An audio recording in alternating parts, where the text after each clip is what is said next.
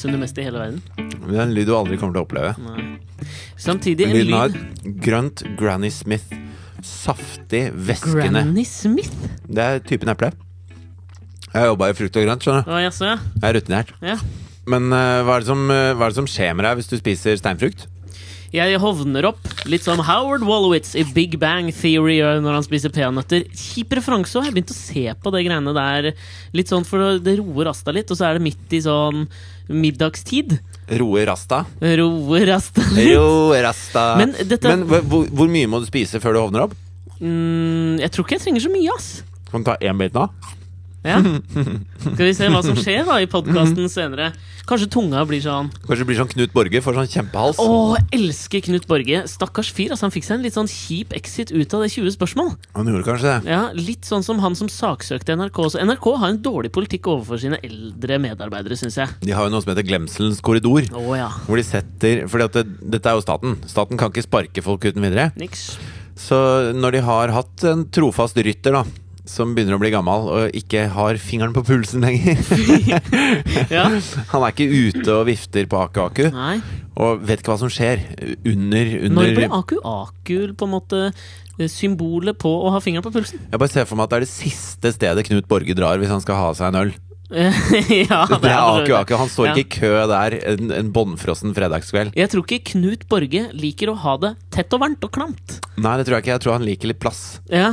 Men eh, Glemselens korridor. Ja, og der, sitter, der sier de til dem at eh, Vet du hva, kan ikke du bare lage Vi trenger et sånn femminuttersinnslag til nyhetene om halvannet år. Ja. Hvis du setter deg der, og så lager du det. Det var jo, jeg, jeg har jo følt lenge at det var der egentlig Torkjell Bærulfsen Fy faen, gamle Er det, referanser! er det påskenøttermannen? Nei, det er jo Roald Øyen. Han havna Ja, er der lenge. Han holdt jo på Hvem for seg sjøl. Torkjell Bærulfsen? Torkjell Bærulfsen tror jeg satt der. Det er han som lager Du hører at ikke han spiller i rockeband? Han har han er heller ikke- ikke vært på Aker Aker, tror jeg. Nei, nei. Altså, han er, han er født Han var født under krigen. Å ja da. Han har, han har kjent på det å, å mangle Å lage brød av poteter, liksom. Er, var det det de gjorde? Men han har jo laget Jeg tror de kokte poteter av poteter. De gjorde det, men hva var det de brukte? De potetmel, da? Ja, Er det det det? Rasjoneringskort, har jeg sett. Videre. Ja, Torkjell Paulsen har laget de der programmene som dreier seg om å nyte livet her og der, og så jakter han på liksom eh, flotte opplevelser, hist og Ja, ja, ja. pist. Er han. Han gamle fyren i NRK. Det er det jeg føler at han har jobba med det der i kanskje sånn 20 år. Mhm. I glemsels, glemselens korridor. Ja. Han og han som lager Der ingen kunne tro at noe kunne bo. Oddgeir Bruaseth. Men han har jo også et gammelt, gammelt navn! gammelt navn. Men han har jo gravd seg opp igjen. Han er jo en, en, rei, en rising star, reisende stjerne. Han er en reisende men Det er det som er det fascinerende med NRK. Det er at du kan bli plassert i glemselens korridor, men komme ut som en full føniks fra asken Ja. på asken som premissleverandør for underholdning på kanskje fredagskveld, lørdagskvelder. Ja, jeg føler på en måte at Petter Skjervene var en sånn mann som ble født eh, da, ble- da han ble ja. født, var han 60. Ja, Og nå er han rundt 80. Og nå begynner han å finne formen, liksom. Nå, nå å Nå piker det for han Du vet, hva het den derre eh, Per het han, og han gråt da han ble født. Drit. ja. Dritlangt faen i det. Men i hvert fall, han, eh, altså han var, Siden han var en gammel mann allerede da han ble født, så er han liksom i samme skolen som Torkjell Bærulfsen og Oddgeir Bruaseth. Det er faen meg tongue twisters! Ja, det er det. Og nå, og nå er han eh, Nå er han i sin prime. Ja, han er det. Vet du hva, jeg hadde en opplevelse med, med Petter Petter Skjerven. Har jeg, jeg har litt på han. Ja, Men før det så Ja. skal vi få denne saftige, deilige biten du har misunt hele verden. Ja, men dette, jeg lurer på om det også er noe med at siden jeg er allergisk mot stenfrukter Ja. Eh, og så er, har jeg misunt deg så ofte, for du kan innimellom ta deg et eple. Og den lyden har jeg sagt ofte til deg, at jeg misunner så fælt. Uh. Så lurer jeg på om det har noe i uh. Uh. Så lurer jeg på om det har noe å gjøre med bare det Altså at det blir forbuden frukt i dobbel forstand. Jeg tenker på Edens hage, at det var liksom hele syndefallet som også jeg forbinder med det. At det er en slags sånn Slangen og ja, ja. ja, At jeg har en sånn, sånn dobbel forbuden frukt på det. At det er derfor det virker ekstra liksom, eksotisk for meg. ja. Men eh, nå skal jeg, nå skal jeg prøve. Er jeg slangen nå, da? Nei, Du er vel på mange måter Gud, da? Nei, jeg sier jo ta en bit av det. Ja, det er for så vidt sant, det. Hvor, hvor gærent kan det gå, liksom? Ja, du blir faen litt gærent hoven. Kan det Samme gå? det. Skal jeg prøve, da? Ok. Åh, jeg må liksom Du jeg må må ta en stor- Savior the moment òg, Ja, ja, hvis du kom igjen, skjønner. Lukte litt på det. Det lukter godt. Ja, det lukter veldig godt. Det er friskt. Jeg har alltid vært, når jeg har vært på sånn vinsmak...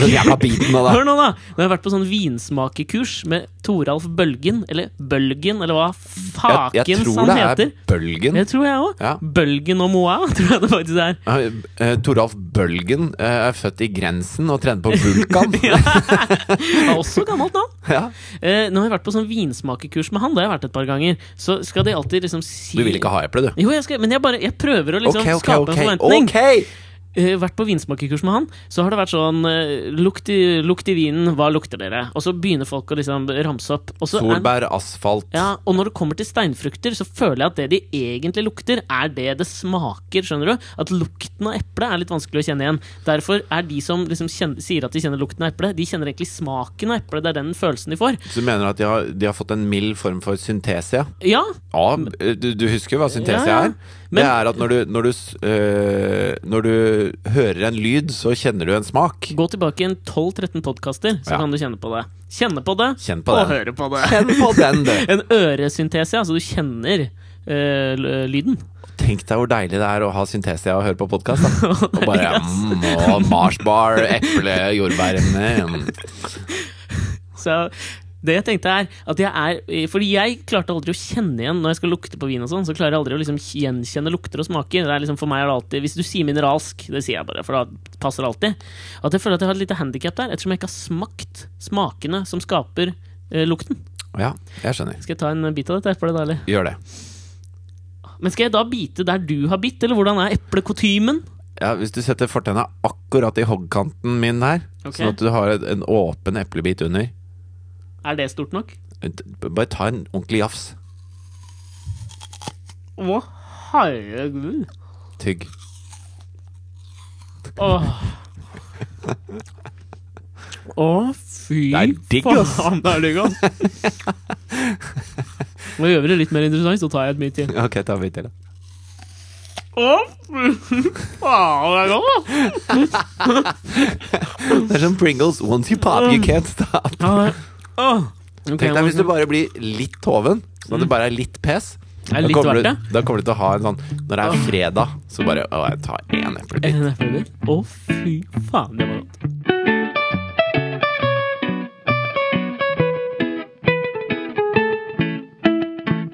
Men apropos dette med misunnelse. Du sa du misunte meg den der deilige, friske, leskende smaken av et eh, Granny Smith-eple. Ja. Eh, forrige podkast fortalte jeg om at jeg hadde vært på foreldremøte, og at det hadde vært en, en dame der, en mor, mm. som hadde snakket om uh, hvordan eh, Ja, barnet mitt gjør sånn og sånn, og barnet mitt gjør sånn og sånn. Ja. Og så skulle liksom hevde seg og si "Men barnet mitt uh, kjenner, ah, Nå ble jeg sur igjen. Ja, ja. Men Bare har du å- stilt opp med en sånn plastpose over huet på henting i barnehagen? Jeg å si? Jeg har ikke, jeg har ikke gjort det. Jeg har okay, ikke gjort det Jeg må være ærlig, det har jeg ikke gjort. Men jeg møtte henne på vei hit i dag. Ja. Eh, Hva heter hun Uh, Jeg husker ikke. Nei, det gjør du ikke. Nei.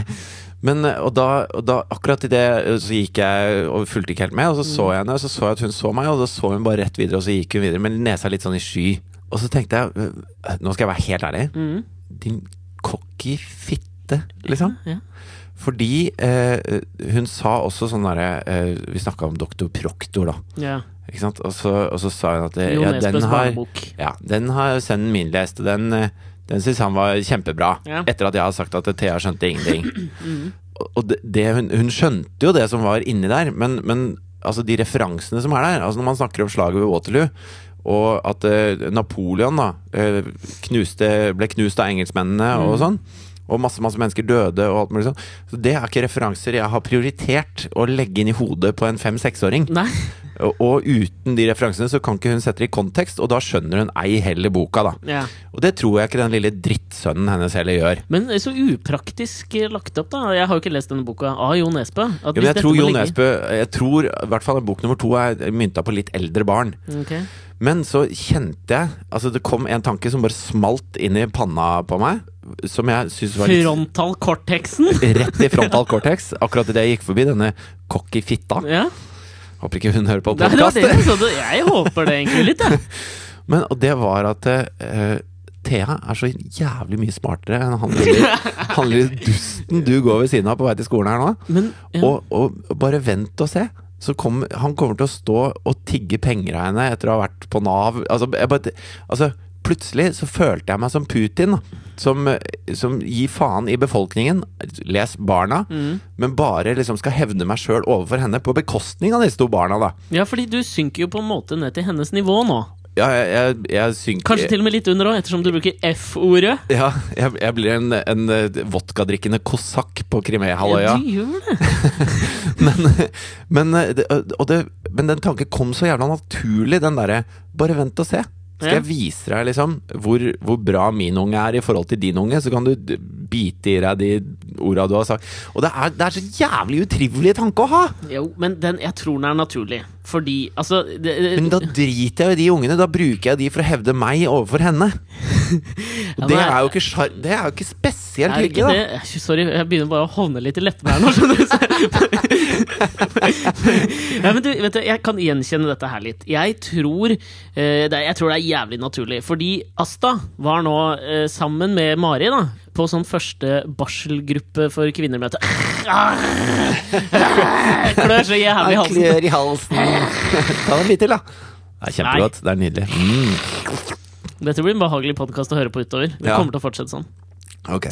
Så de var på barselgruppe, første barselgruppe. Og der er det jo en del andre mødre med sine barn. Og så skulle de liksom teste litt. Hva kan disse barna?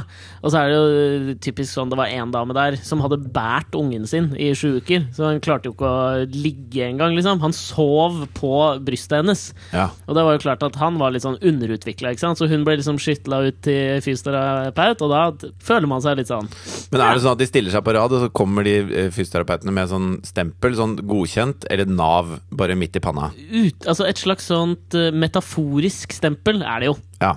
Så hun fikk da stempelet Nav på den Ja. ungen. Og så ligger det liksom der, så skal de liksom snu litt på hodet og litt sånn. Og da er det jo Slik Mari gjenfortalte dette til meg òg, så, så, så merker jeg at det blir jo en slags sånn konkurranse. For da Ja. var ikke Asta så jævla rå på å snu hu- huet sitt den ene veien. Det klarte hun ikke. uh, og han ene løken, Daniel, var jo rågod på det, ikke sant? Han vippa huet fram og tilbake som om det var nothing, ikke sant? Og da merker jeg når hun forteller det til meg, jeg blir provosert. Og uten å ha møtt Daniel og mora engang. Nei. Så jeg, jeg Du hater Daniel? jeg Hater Daniel! Altså, hvis jeg kunne gitt den en liten sånn der Cæsar Milan-cack, så hadde jeg gjort det. Men det, det er jo tilbake til hvorfor får man barn i det hele tatt? Er det, er det ah, helt sånn derre 'jeg skal bringe meg selv videre', og jeg skal fostre opp det er, er det det? Ja, ja, ja. Er det det? ja, det er jo det. Altså, jeg skal jo bli pappa nå, Eh, men jeg, jeg tror jeg er Altså, jeg husker da du holdt på med dette her. Du hadde masse apper, du hadde masse Nei, jeg hadde én app, for faen! Jo, men du sjekka ting, og du leste bøker Ja, opp og ned i mente, og du var liksom Du var sånn ordentlig Ja, ja. på det greiene. ja. Jeg gleder meg noe jævlig, Mm. men eh, jeg har ikke lest noen bøker. Hæ, er Jeg har- jeg har glad i noe- barnet ditt? Ønsker du ikke barnet ditt alt vel? Jeg har ikke noe app. Jeg husker ikke hvor langt jeg er på vei engang akkurat nå. Jeg. Nei, kødder du, eller? Nei, det er helt sant. Men, og det betyr ikke at jeg ikke bryr meg. Jo. Nei, det gjør det ikke.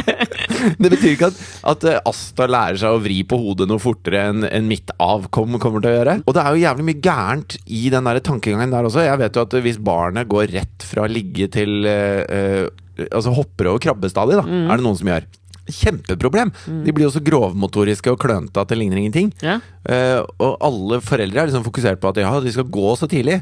Altså, jeg har jo venner som sier sånn Ja, jeg begynte å gå dødstidlig, liksom. Ja, ja. Som om det er noe man skal ha en fjær i hatten for. Ja, jeg, du, nå for å liksom lage dette, male dette bildet også opp, så peker du da til rommet så ved siden av oss, hvor Lars, vår eh, gjenganger, sier Han er litt sånn Jeg gikk utrolig tidlig. Jeg gikk Ja. var syv måneder. Da jeg, ja, merkelig. jeg var god i alle sporter eh, fra jeg ble født, egentlig. Det var helt rått. Og så leste jeg Richard Dawkins da jeg var to og skjønte alt.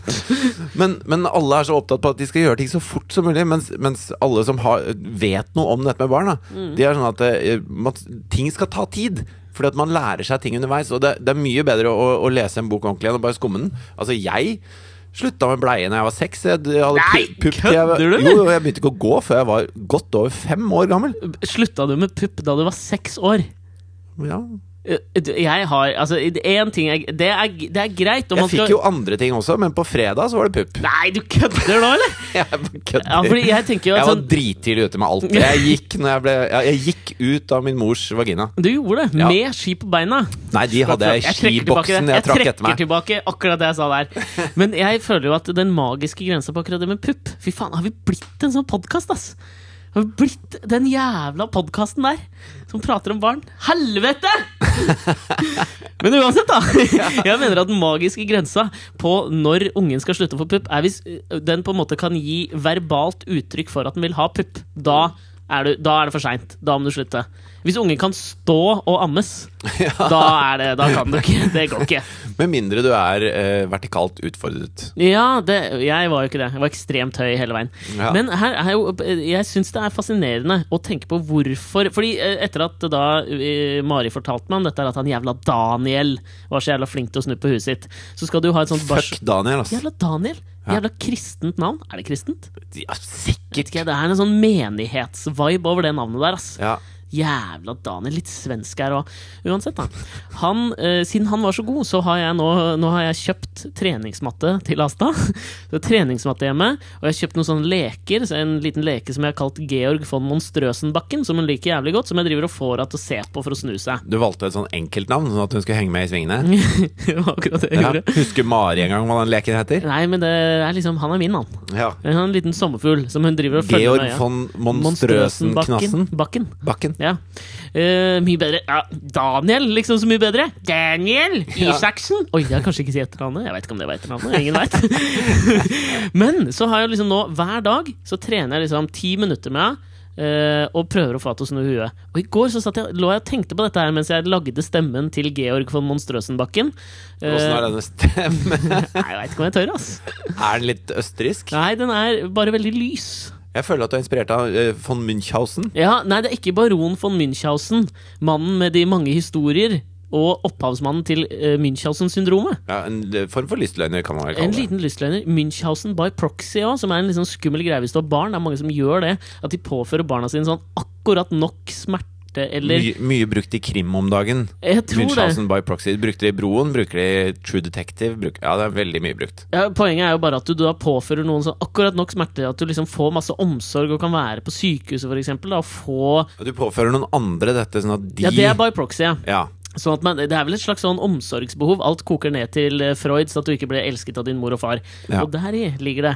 Elsker jeg egentlig Asta når jeg driver og eh, trener med henne, eller vil jeg bare at hun skal slå Daniel? Ja, det er det jeg tenker. er Jeg tror jeg egentlig bare vil at hun skal slå Daniel. Jeg elsker egentlig Thea når jeg bare vil at hun skal knuse han der lille gutten, sånn at hun mora kan gråte seg i søvn om ti år. Elsk og hat er sånn innmari nært forbundet.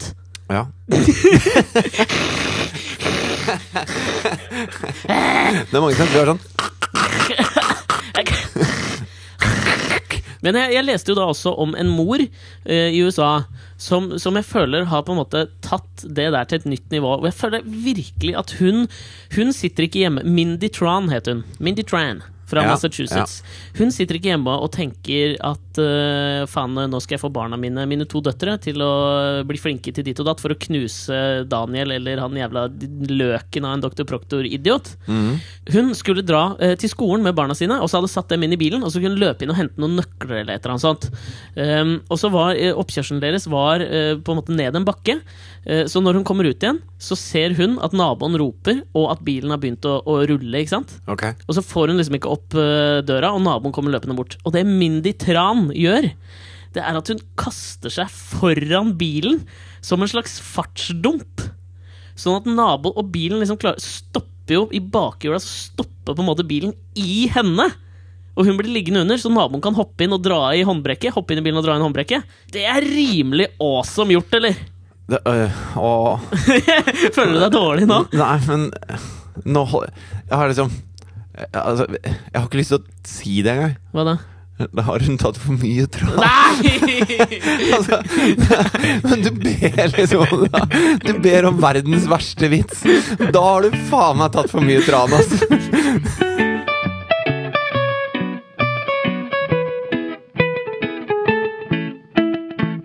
Du, Jeg er nødt til å, å prate om en ting som jeg har sett på TV denne uka, som opprørte meg inn til margen. Okay. Jeg satt og så på Trygdekontoret for to dager siden. Ja. Rasisme spesial var det.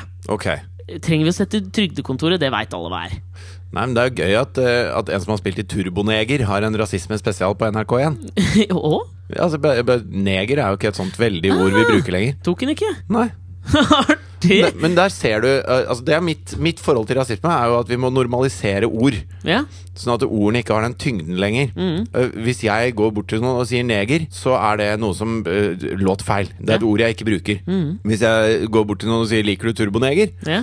Så er det helt greit. Det Ja. kan jeg si til hvem som helst. Hvem skal ha definisjonsmakten på hva som er greit å ikke si? Nei, det er jo da folket som er er nødt til å bruke orda flittig og positivt. Ja, ta tilbake ordet neger. Litt sånn Ja. som ameri- disse afroamerikanerne har tatt tilbake NI-ordet. Det kan jeg ikke si, kan jeg det? Nei, men det er jo det samme ordet. Men de har på en måte tatt tilbake det litt. Kanskje man skulle prøve å gjøre det i Norge med ordet neger? Ja, og jeg syns at eh, Louis C.K. har et, et veldig, veldig Altså denne komikeren som vi til stadighet drar opp fordi Ja. han er verdens mest intelligente mann. ja, men han er jo faen meg det. Ja, Rett bak Stephen Hawking, kanskje? Ja, men han er, han er verdensrommets mest intelligente person. Ja. Eh, men eh, han, han sier jo det at eh, i hvert fall ikke si the n-word, eller Nei. the f-word. For det du gjør da, er at du legger det ordet som du ikke gidder å si engang, i huet på meg. Og jeg, jeg har ikke lyst til å ha det i huet mitt, liksom. Men ok, men jeg så på Trygdekontoret for to dager siden. Det har vært litt sånn storm på Twitter og sånn. Jeg, i, jeg satt jo og fulgte med da jeg så på det. Uh, Twitterstorm! Og det var Man burde rasisme begynne å gi disse stormene navn, sånn som man gjør med ordentlige stormer. Ja. Stormen Peder. ja, men da skulle den jo hett Stormen Neger. Rita.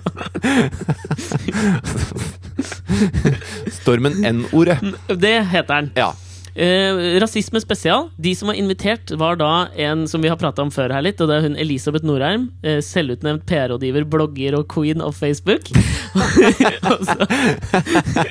Det er så deilig reaksjon. Man kan bare si det, og så er det gøy. Ja, ja, ja. Og så var det Hanna Vosene Kvam, som er fra den Queendom afrikanske Queendom-gruppa. ja. Og så var det en kunstner som heter Fadlabi, og en journalist som heter Sandeep Singh. Hvem er Altså, Sandeep Singh er jo uh, VG-anmelder. Ja. Han som ga den legendariske terningkast 1 til Erik og Chris.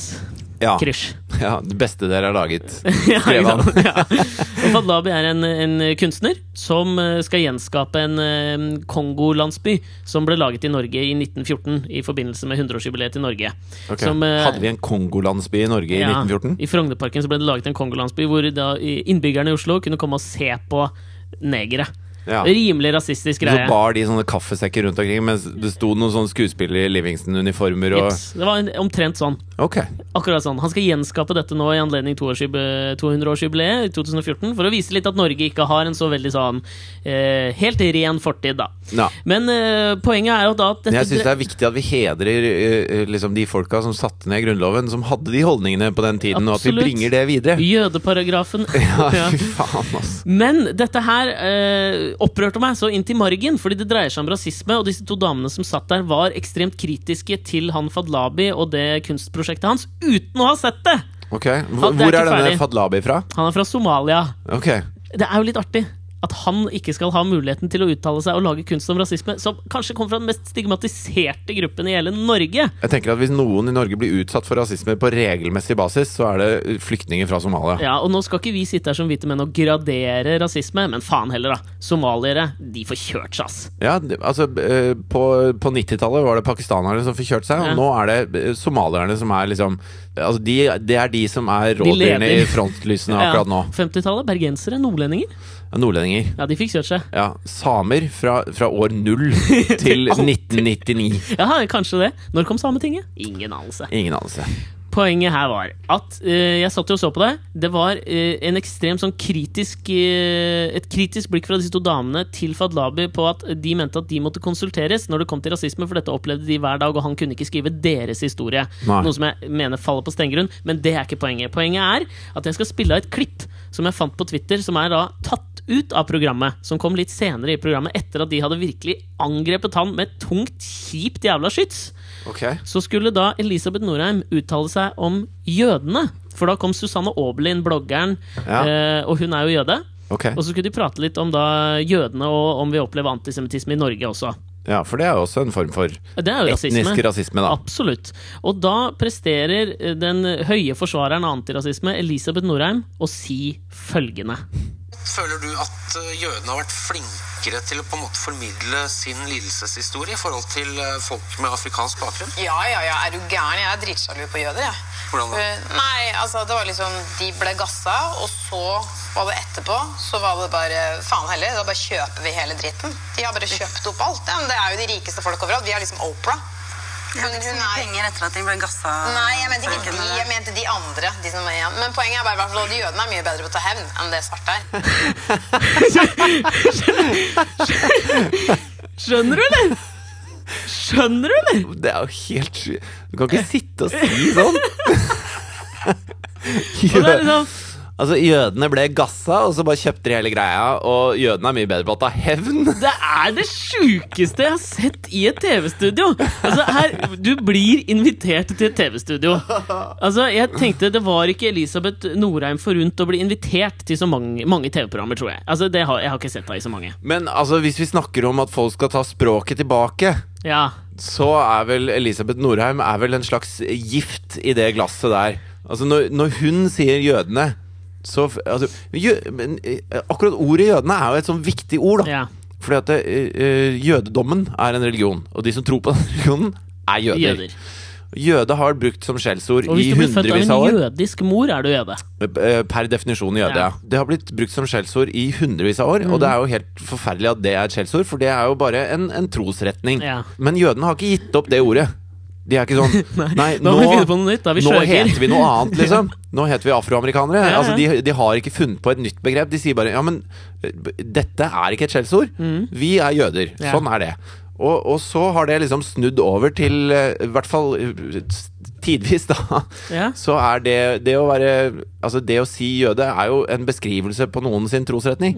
Men sånn som hun bruker jøder ja, å, så, vi, så går vi 100 år tilbake. Ved tilbake i- siden av den Kongolandsbyen i Frognerparken Ja, som ble laget, så var den lille, den lille sånn jødekrystallnattforløperen var ved siden av der. Ja, Og- jeg og føler at Hun hadde ikke Hun hadde liksom støtta Hun hadde stemt Skal vi ha inn jødeparagrafen i Grunnloven? Ja, vi tar inn jødeparagrafen i Grunnloven, dere. og når hun snakker om rasisme, så, så er hun jo Det er jo noe hun er brennende opptatt av og syns Ja. er noe forferdelig vas. Og det kan vi være enig i. Men det vi ikke er enig i, er at hun sier Vet du hva, jøder Altså dere, dere, dere har det jo fett, dere, i forhold til oss sorte. Så vi skal ikke bli kvitt med rasisme. Vi skal ikke bli kvitt rasisme. Vi skal bli kvitt rasisme mot meg. Ja, Ikke mot dere, selektiv mot rasisme! Ja. Det er Det er, Selektiv antirasisme She's got det the nerve for å ta Hun bruker en del sånne uttrykk Don't go there! Altså, she's got the nerve til å sitte der. Altså, Nå får hun endelig sjansen. Jeg tenker, Hun er PR-rådgiver. Ja. Hun er PR-rådgiver. Hennes Facebook-profil har i flere år vært sånn Ja. Og Nå får hun endelig lov til å være på NRK1, og så er det dette hun har å komme med. Jeg, jeg lurer på hvordan hun som PR-rådgiver ville vurdert sin egen innsats i dette TV-programmet. Hvordan ville hun gitt seg sjøl råd på hvordan opptre i et eh, TV-program? Det kan jo ikke være på den måten der! altså, jeg har sett jævlig mye rare TV-opptredener og jævlig mye flau Jeg tror at smørelandslaget til, til skijentene i Sotsji hadde gjort det bedre som PR-rådgivere, og hun hadde sannsynligvis gjort det bedre som smører. Jeg husker veldig mange eh, kjipe og flaue TV-opptredener som på en måte har ødelagt eller boosta folks karriere, liksom. Husker du han Bobcat Goldthwaite? Han som spilte han snålingen i Politiskolen? Han som hadde sånn stemme som var sånn sånn der? Ja. Han som var litt gæren standup-komiker. Ja. Han var hos Letterman, og så svelg... Altså, Hva faen var han het for noe? Bobcat Goldthwaite heter han. Ok. Det. Det er den amerikanske versjonen av Oddgeir Brua. det er faktisk det. Han var på Letterman, og midt under intervjuet så tok han og uh, slukte lightergass og begynte å spytte ut på sofaen, og så tente han på sofaen. Det er en mye bedre talkshow-opptreden enn det hun leverte! Det er helt sjukt! Og det som er så jævlig synd med dette her, da, syns jeg, det er at eh, rasisme er et ekstremt viktig punkt. Det er et viktig tema, som, og det foregår i Norge, og vi må ta tak i det.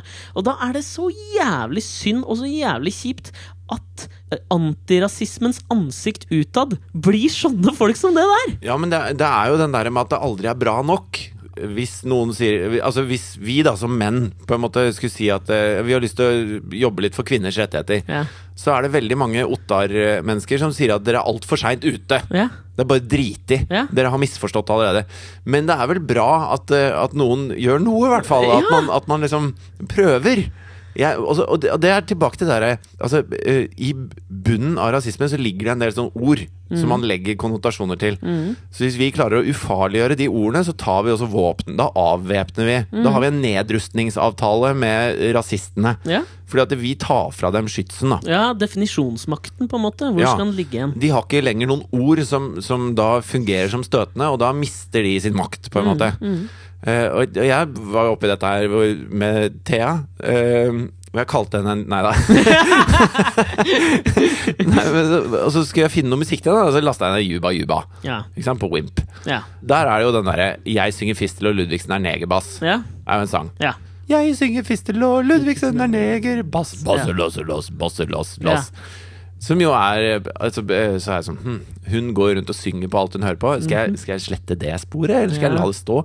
Men det er jo Altså Ja, skal du eh, lese Torbjørn Egner for henne, ikke sant? Med Hottentotter Ikke sant? og så videre. Pippi Langstrømpe, Negerkonge Ja, ja. Ikke sant? Det er masse sånne ting da Og der brukes jo Det er jo dritkult At pappaen til Pippi er negerkonge Mm. Og uh, når Knutsen Knudsen synger fistel Og Ludvigsen synger negerbass Så er det jo eh, Ludvigsen som synger negerbass Som koser seg mens jeg synger bare på trass Mm. Det er han som har det fett Mens jeg har det dritkjipt Så det er også en slags positiv vri på det da Ja, ja.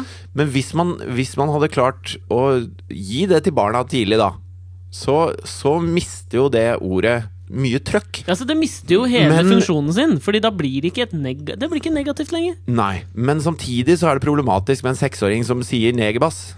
Ikke sant? Det, er, det er problematisk overfor mange voksne som hun kan si det til. da Ja. Hvis hun kommer inn på skolen her og møter hun som jeg prata om i nikab, øh, og så bare Jeg Eh, synger fistel! Ludvigsen er neger! Bass! Og så peker hun, da, Fordi da skal noen si basselasselass, lasse, lass, basse, lasse, lass. Ikke sant? Det er jo jævlig klønete. Eller den, altså, det marerittscenarioet her må jo være at du er på vei hjem fra skolen. Uh, Thea går og synger uh, denne låta. Og så ser du Elisabeth Norheim komme, komme gående imot deg oppover gata. Og akkurat idet Thea sier han sagt 'neger, bass', og så peker hun på Elisabeth Norheim. Det er fantastisk. Nå må jeg opprette en Facebook-profil, sånn at jeg kan lese Elisabeth sine svar. Så skal jeg kopiere det inn i den der Google Translate og trykke på den uh, snakkeknappen. Kanskje vi skal prøve å putte inn Elisabeth Norheims jødehets i den? Og høre hvordan det høres ut for en litt sånn nøytral robotstemme? Vi avslutter med det. Ja, det kan vi faen meg gjøre. Det gjør vi.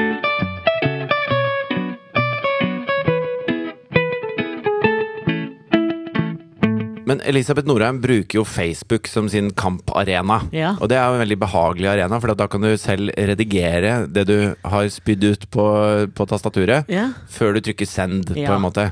Sånn det, det er jo sikkert for henne da en, en måte å unngå, sånn som hun gjorde på trygdekontoret, hvor bare, bare dumheten datt ut av munnen hennes. Ja. Men jeg, jeg lar meg fascinere av hvordan folk kommuniserer på Facebook, hva som er, hva som er greit og ikke greit. Mhm.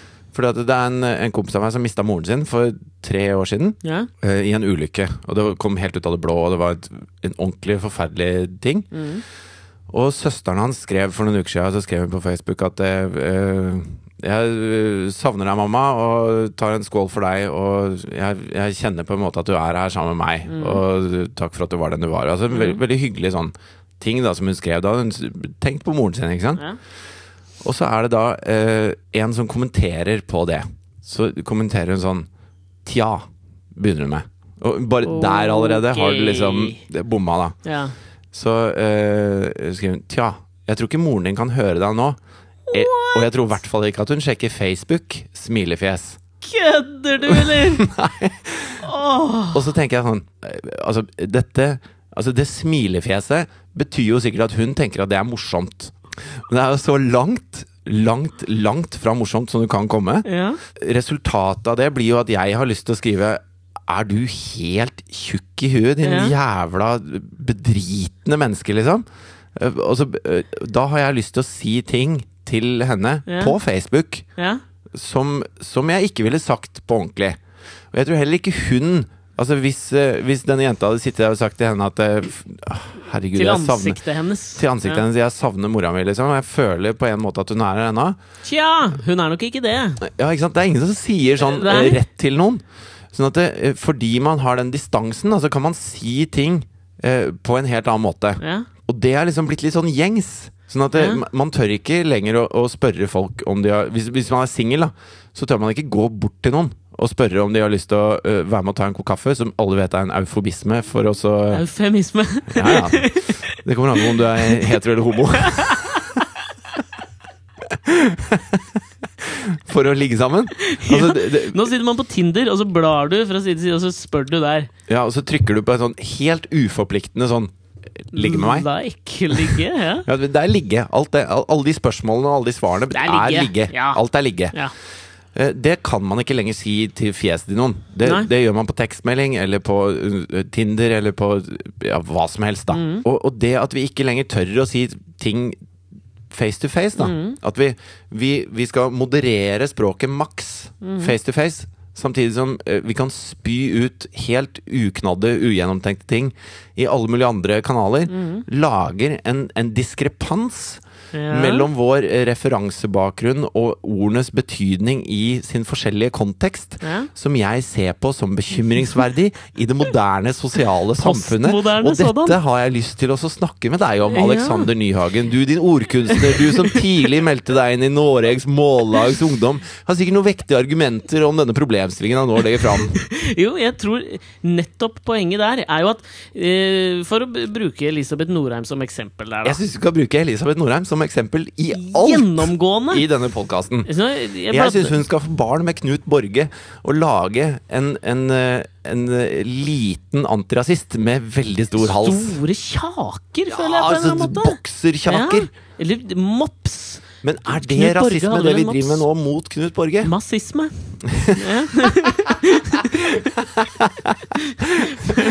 Jeg tenker jo det er, det, er nettopp dette her eh, som er interessant når man blar gjennom eksempel da random eksempel Elisabeth Norheims Facebook-profil.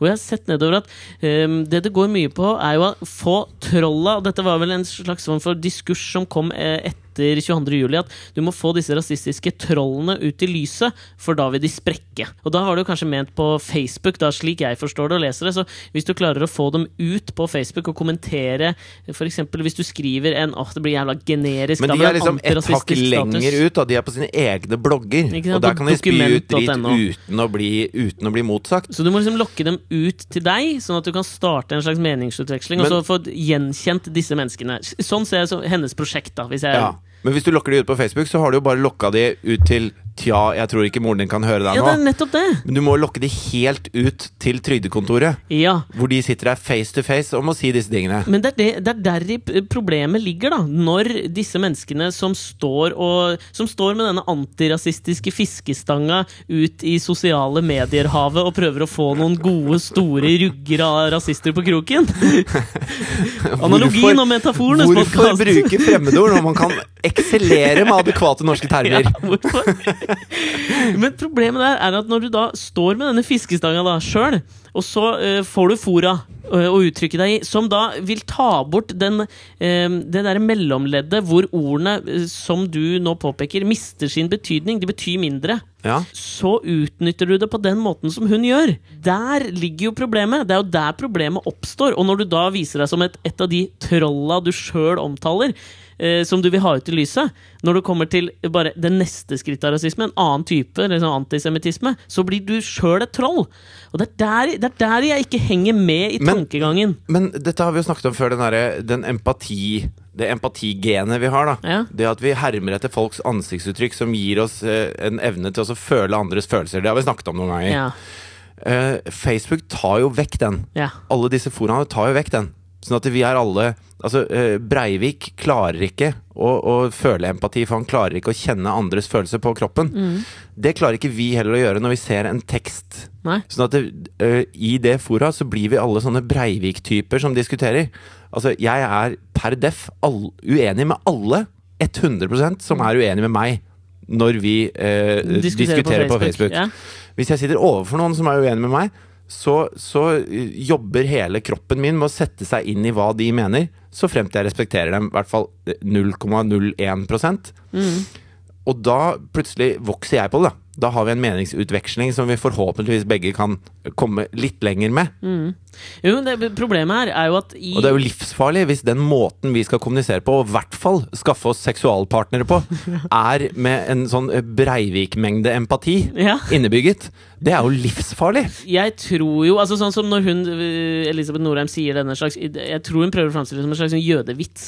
Den eh, tradisjonen som hun og hun Hanna Vosene Det også er vel noe vi ikke driver med så veldig mye lenger. Som Nei, men- jødevitser. Hvor mange jøder får du i en Fiat? Det, vi driver ikke så veldig Nei. mye med det lenger. Seks millioner i sant? Men eh, de kritiserte jo veldig Dette har vi prata om før òg. Else Kåss Furuseth da hun stilte opp på TV 2-lanseringa som uh, Oprah Winfrey. Ja. Fordi de mente at det var en blackface-tradisjon hvor du tuller med Jeg syns det er ekstra gøy, apropos Oprah Winfrey, at Mm. Elisabeth Norheim bruker eh, jødene eh, Eller hun bruker Oprah Winfrey som et eksempel på jødene. Ja, Hun bruker det som et eksempel på hvordan de svarte har emulert jødenes oh. ja, jeg vet faen jeg. Men ja, hvordan de har liksom det, det er den eneste svarte som har klart å komme seg opp på nivået til jødene rent økonomisk, liksom. Men det er jo en sånn stående greie at jødene eier Hollywood, det er jævlig mye advokater, altså jødene lykkes jævlig godt. Eh, Men det fascinerende her er jo at Det er ikke hun jødene som lykkes godt, det er de Ja, men menneskene nå der!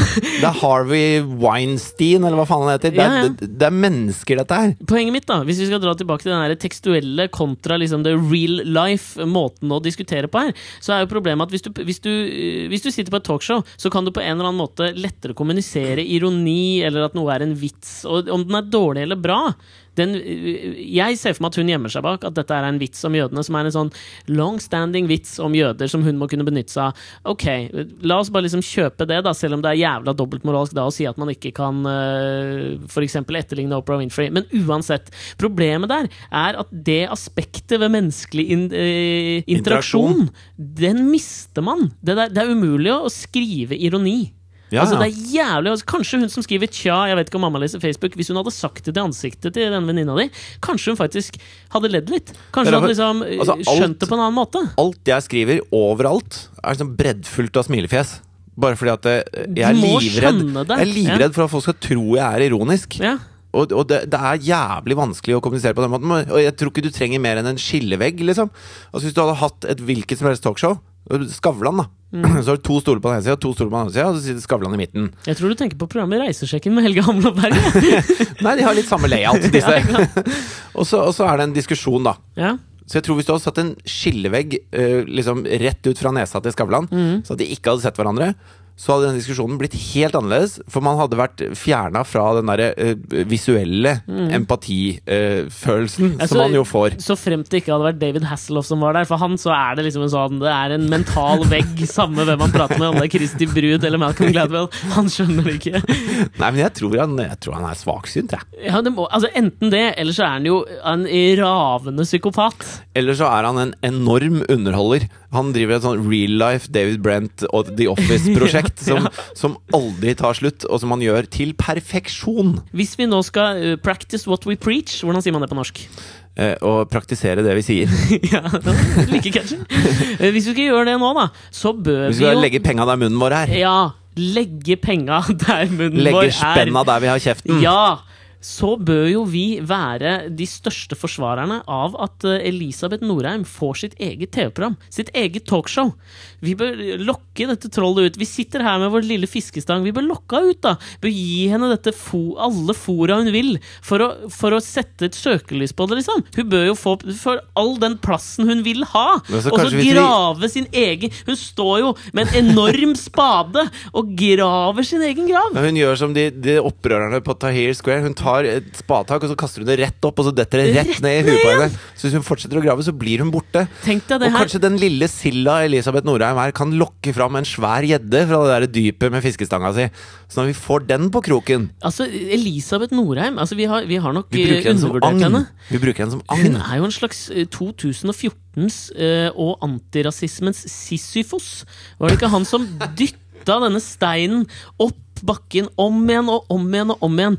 Men eh, den eneste forskjellen med, med henne og Sisyfos er vel at hun står på toppen, og så lener hun seg på steinen hver gang hun har kommet opp, så hun sjøl dytter ned igjen. Men vi skal også være veldig forsiktige med å kaste stein i glasshus, for dette er jo tross alt en podkast. Vi har ingen visuell stimuli.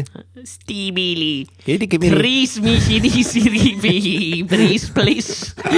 Kanskje det, det er sånn vi skal ta ordene tilbake. Ja. Akkurat som tre små kinesere bytter ut vokalene, sånn skal vi bytte ut ordene. Ja. Så hver gang du sier eh, 'jeg', så skal du nå si Jøde.